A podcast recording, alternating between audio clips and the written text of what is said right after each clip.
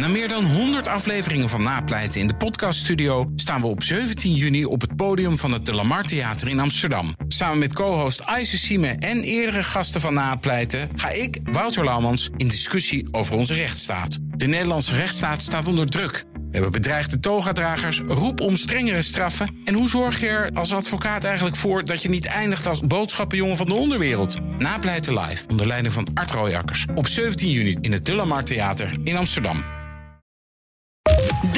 Nieuwsradio. Werkverkenners. Rens de Jong. Als we het in dit programma hebben over het aantrekken van nieuw personeel, dan gaat het 9 van de 10 keer over hoogopgeleide, HBO'ers en WO'ers. En dat is interessant, want dat is 37% van de Nederlanders. Maar het grootste gedeelte van de Nederlandse beroepsbevolking is middelbaar opgeleid, 40% En daarom kijken we in deze uitzending naar de MBO'ers. Hoe kan je die het beste winnen voor jouw bedrijf? Nou, dan moet je je best doen en modern zijn. Uh, Nabil Time en Tajula. Ja, ik weet niet of jij ze kent. Nee. Vonneke Bonneke, Boncolor. Dit zijn vloggers die worden ingezet om een app te downloaden. Een app die Max Bodi heeft gemaakt. Nou ja, ik ben uh, Max. En uh, ik kom hier om iets te vertellen over Play to Work. Ja. Play to Work uh, doet iets met uh, Playful Solutions voor met name MBO'ers. En ik, ik heb ooit op het MBO gezeten. Ik heb de MTS gedaan.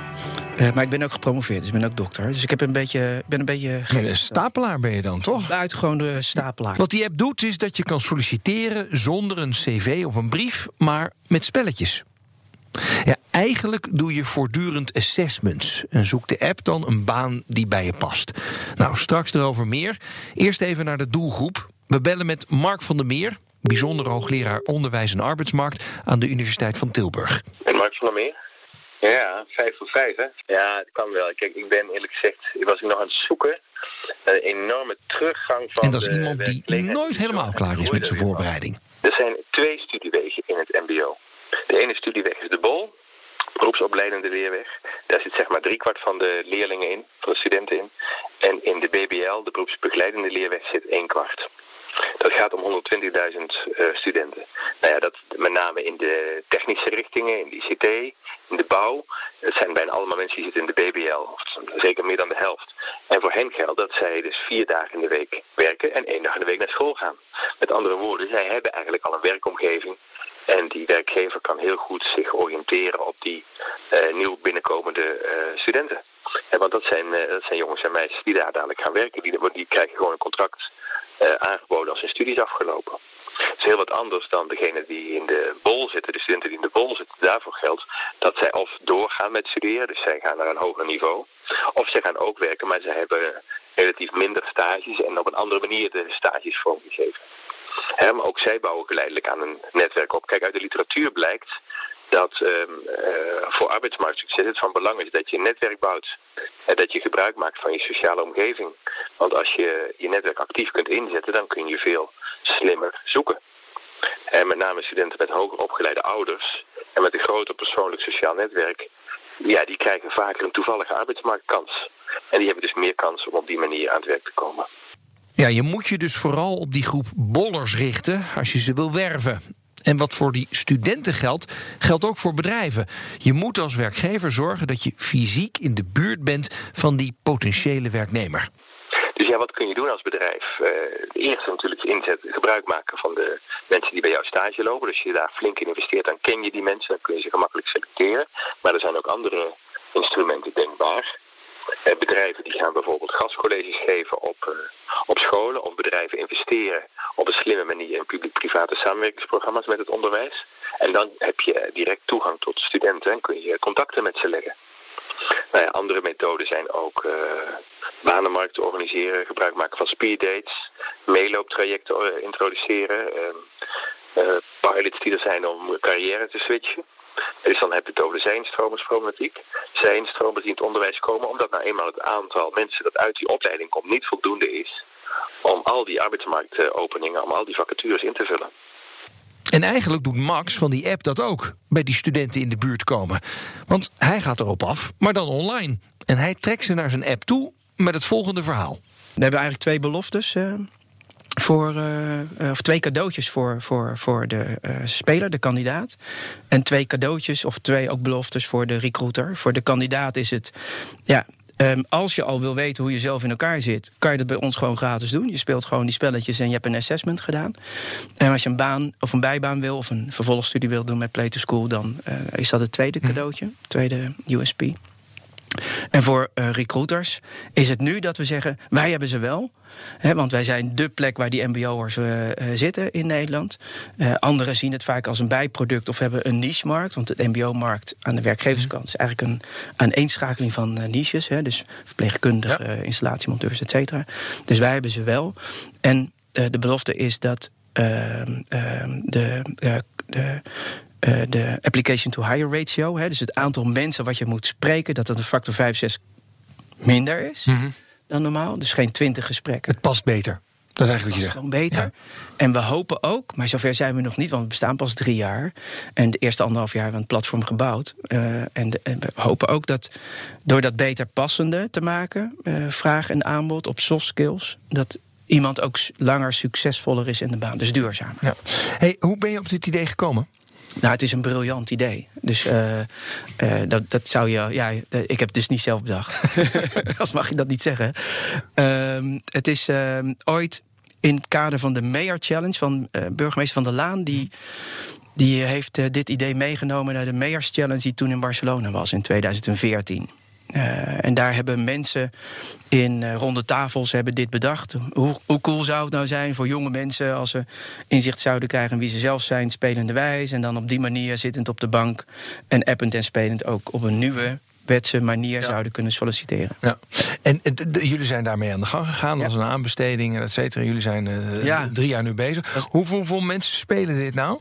Nou, we hebben nu uh, 35.000 uh, spelers op het platform, waarvan 20.000 met een profiel. Mm -hmm. En uh, ongeveer 10.000 daarvan hebben we nu met een volledig profiel. Okay, dus dan weten we plaats je ervan? We plaatsen ongeveer iedere dag uh, een persoon bij een klant. En er zit nog een voordeel aan. Je hoeft als werkgever je niet aan te trekken van de loopbaan of studie die iemand nu al heeft. Dat zorgt ervoor dat er een hele nieuwe doelgroep bij komt. Als een werkgever zegt van ja, je vooropleiding, je hard skills maakt ons niet uit gaat mij om die soft skills. Dan krijg je dus inderdaad dat iemand uh, die is opgeleid voor verpleegkundigen, maar die daar een beetje zit te wringen.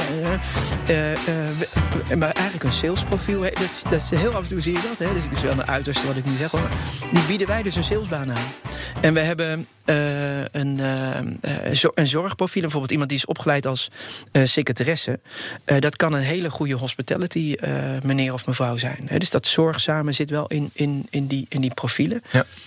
Um, dus wij verrassen mensen ook met andere jobs dan, dan ze eigenlijk ooit uh, per toeval hebben gekozen. Want dat is natuurlijk ook wel iets. Uh, de jonge mensen die, uh, die nou ja, eigenlijk iedereen. Wist jij dat je dit ging doen? Ja, ik ben wel uitzondering. uitzondering. Ja, maar dat zijn al die mensen bij de radio die weten oh, al ja, redelijk ja, ja. vroeg wat ze willen. Ja, dus het zijn er veel. Ja. Nou ja, er zijn heel veel onderzoeken bekend dat als je aan jonge mensen. We hebben net ook weer zo'n onderzoek gedaan onder 100 mensen bij World Skills, de finals. Mm -hmm. We hebben gevraagd van hoe, hoe kwam je nou erbij om deze studie te kiezen? Ja. Um, en dan um, weten we eigenlijk vanuit onderzoek uh, dat mensen dat achteraf uh, recht praten. Hè? Dus, ja, ja, ja. ja. Um, uh, terwijl ze eigenlijk geen idee hebben op basis waarvan ze die keuze maken. En wij, wij willen mensen. Ja, meer aan, wij willen meer aandacht voor die soft skills. Omdat die soft skills eigenlijk veel meer bepalen uh, uh, dan dat, die toevallige keuzes. Ja. Of, of, je dat gaat doen. Nee. Hey, hey, waar zitten ze dan? Uh, ze zijn er gewoon. Ze zijn gewoon te vinden. Ehm, en met name jonge mensen zijn natuurlijk online te vinden. Ja, ja. Dus, dat, dus ik zou gaan werven op Instagram of op. Dat doen wij ook. Toch? Ja. Twitter is denk ik alleen maar voor hoogopgeleide journalisten. Ja. Dus ja. waar, waar moet, ik kan, eigenlijk kan ik alleen maar Instagram bedenken. Of nou, zijn er nog andere? kijk, jonge mensen hebben wel Facebook-accounts. Maar die gebruiken ze om te kijken of hun moeder en vader geen gekke dingen doen. Hè. Dus, uh, dus, Facebook is voor oude mensen, maar ze gebruikt wel als inlog, uh, bijvoorbeeld. Dus uh, nee, wat wij doen is die mensen targeten. hypertargeting, hè. Dus, dus, dus ja, we hebben growth hackers aan de kandidatenkant, om het maar even zo te zeggen. Ja. En ja. daarnaast maken we gebruik van ja, toch wel typische jongeren eh, vloggers en bloggers. Eh, dus wij gebruiken dat soort van eh, boegbeelden Ja. eh, om ons product ook Ja. aan, de, aan de man of vrouw te brengen. Want Ja. jullie product is een soort met van app. Het is een app. En daar kan ik als MBO'er kan ik op. Kan Ja. ik downloaden. Wat kan ik daar doen? Spelletjes spelen. En wat voor spelletjes zijn dat? Het zijn smart games, serious games. Mhm. Het zijn eigenlijk ge- ja, eh, traditionele assessments zijn heel talig, hoogtalig, eh, langdurig ook, eh, uitgebreid, moeilijke woorden, lang, uren, soms een uur werk. We hebben die vragenlijsten, hebben we ehm, eh, voorzien van, eh, van eh, beeld. Mhm. Eh, eh, andere teksten, dus we hebben de tekst op B2-niveau gemaakt. En we hebben, laten we zeggen, de spanningsboog voor die assessments, wat het eigenlijk zijn, hebben we korter gemaakt. Mag ik een spelletje spelen? Kun jij Zeker, even ja. op jou, mag ik even op jouw telefoon? Ja? Ik ontsmet hem iedere morgen, hè? Oh, dat is fijn. Ja, dat, dat vinden mensen fijn, ja. Is ook gezond. Ja, heel goed. Ik zal erover nadenken. Goed, dan ga ik naar Play toe. Even Ja. kijken. En ik zit nu een, een testje. Ben jij gastvrij? Toch? Ja. met een plaatje erbij, met een Ja. soort counter van een hotel, denk ik dat het is. Hè? Ja. En dan de basis van gastvrijheid tik ik dan in. Oh, ik zie twee mensen. Ja? Mannetje lijkt een beetje op jou eigenlijk Ja, trouwens. ja, ja. Is dit die, de klant? vond- vonden de developers grappig om eh, eh, speler Max minst. Oh, hij heet ook Max. Hij heet ook ah, ja. oké. En dan ben ik zeg maar de, de, de, de clerk achter de Ja. hotelcounter. Ja. Ehm, en jij denkt dan, fijn dat hij zo eerlijk is en mij probeert te helpen, et cetera. Misschien komt hij met een suggestie. Oh ja, en dan komen er allerlei vragen langs. Dus deze meneer die wil een restaurantsuggestie. En ik heb dan drie opties om te antwoorden. Ja. En dan, als ik er eentje kies, oh, dan krijg ik allerlei hartjes en dingetjes. Wat, wat is dit wat ik ga... Ik heb het liefst lokaal, niet chic, maar ook geen eetkroeg. Oké. Nou, je hebt het even nagevraagd. Dan kunt u best de straat uitlopen. Oké, nou, dan gaat er. Dus ik, heb, ik, heb, ik ben eigenlijk een soort situatie aan het naspelen. Ja, zeker. En Ja. daar krijg ik uiteindelijk punten voor. ja, je krijgt punten op eh, of je, laten we zeggen, het goede antwoord hebt gekozen. Ja. En of je rekening hebt gehouden met, eh, en, dat is het gegamificeerde eh, eh, aspect dan. Ja. Of je rekening hebt gehouden met de emoties die in dit geval Max, ik Ja. dus, daar in dat spelletje uit. Ah ja, dit gaat nog even door. Ja, eigenlijk wel. Ik vraag net, he- he- heeft u nog een vraag? Nou, eigenlijk wel. Er hangt een hele onaangename geur op mijn kamer. Oké. En dan moet ik dus optie A, is dat is vervelend meneer. Ik zal u direct overboeken naar een andere kamer. Als u terugkomt van uw diner, kunt u de sleutel bij me ophalen. Dat is een mooie. B, dat is niet fijn. Heeft u al geprobeerd om een raam open te zetten? is wel praktisch. Die is wel praktisch. of C, dat is vervelend. Ik zal iemand van housekeeping langsturen om uw kamer te luchten en luchtverfrisser mee te nemen. Ja. Ja, ik kies C. Wat zou je zelf willen? Ja, nou. Nou, ik moet eerlijk zeggen.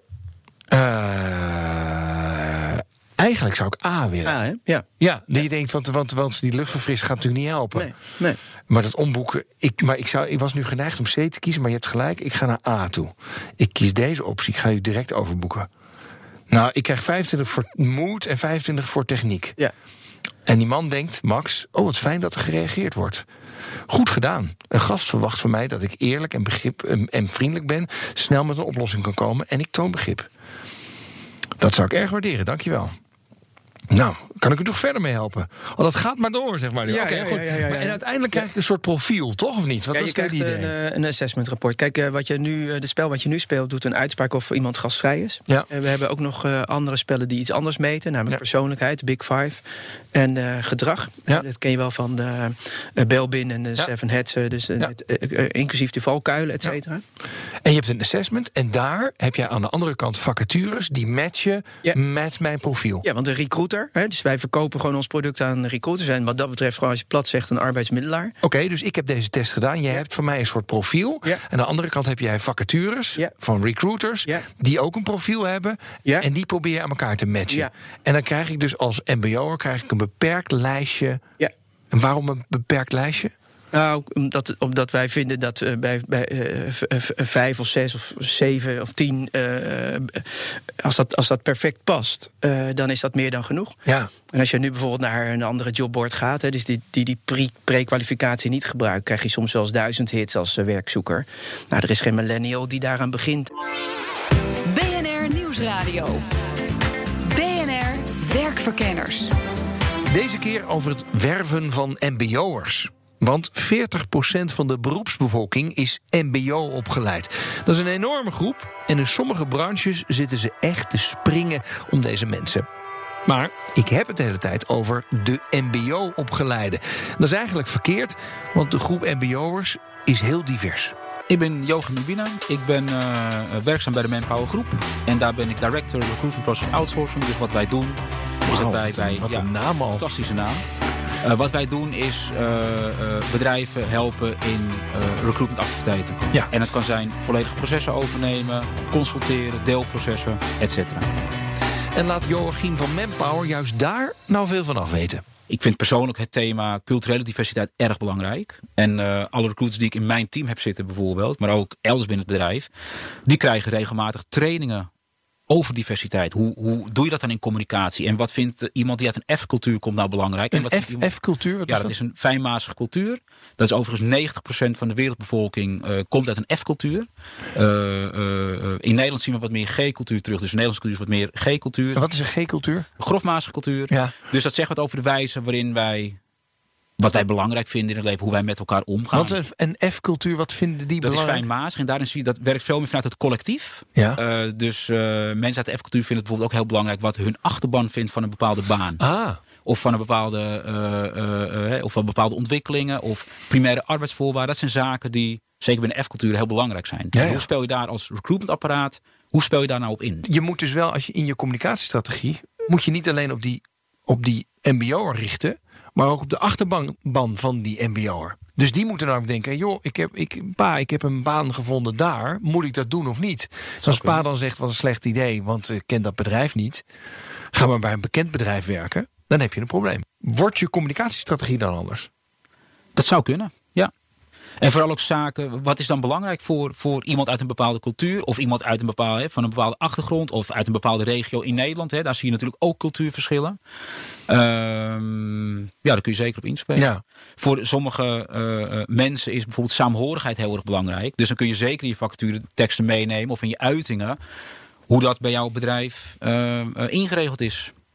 En heb je alleen de, de, de, de borrels op vrijdagmiddag... of heb je ook de maandagochtend uh, ontbijten met elkaar bijvoorbeeld? Ja. Dat zijn natuurlijk voorbeelden.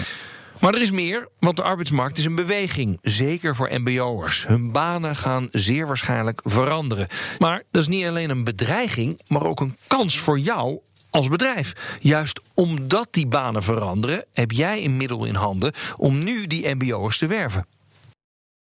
We zien allemaal dat uh, de wereld aan het veranderen is. Uh, uh, veel banen, zeker in het mbo-segment, die zijn aan verandering onderworpen.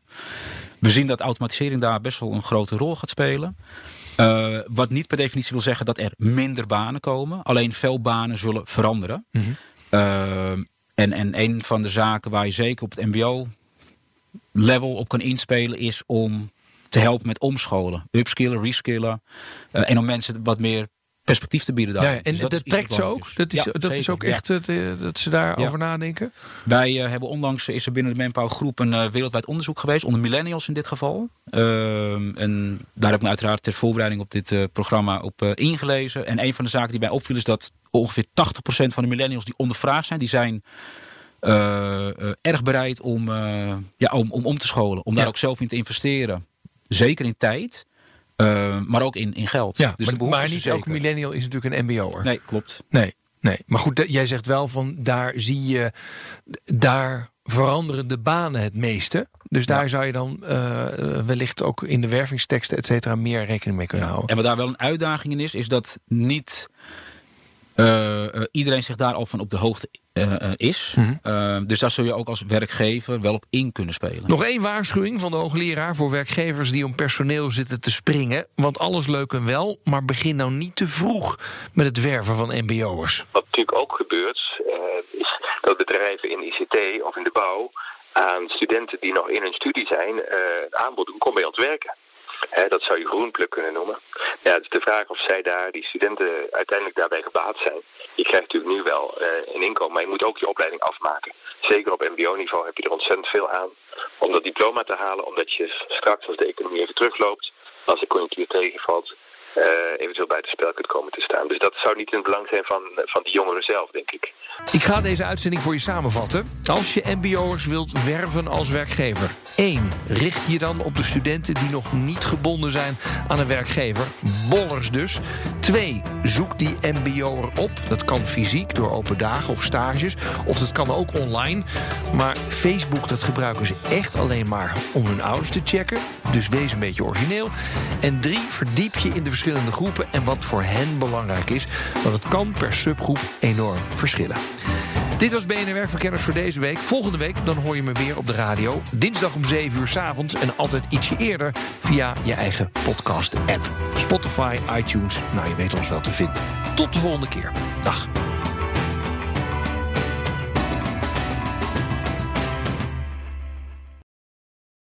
Ook Diana Matroos vind je in de BNR-app. Ja, inderdaad. Je kunt live naar mij luisteren tijdens de Big Five. Ook handig in de BNR-app. Breaking nieuwsmeldingen, maar ook het allerlaatste zakelijke nieuws. En je vindt in de app alle BNR-podcasts, waaronder Wetenschap Vandaag. Download nu de gratis BNR-app en blijf scherp.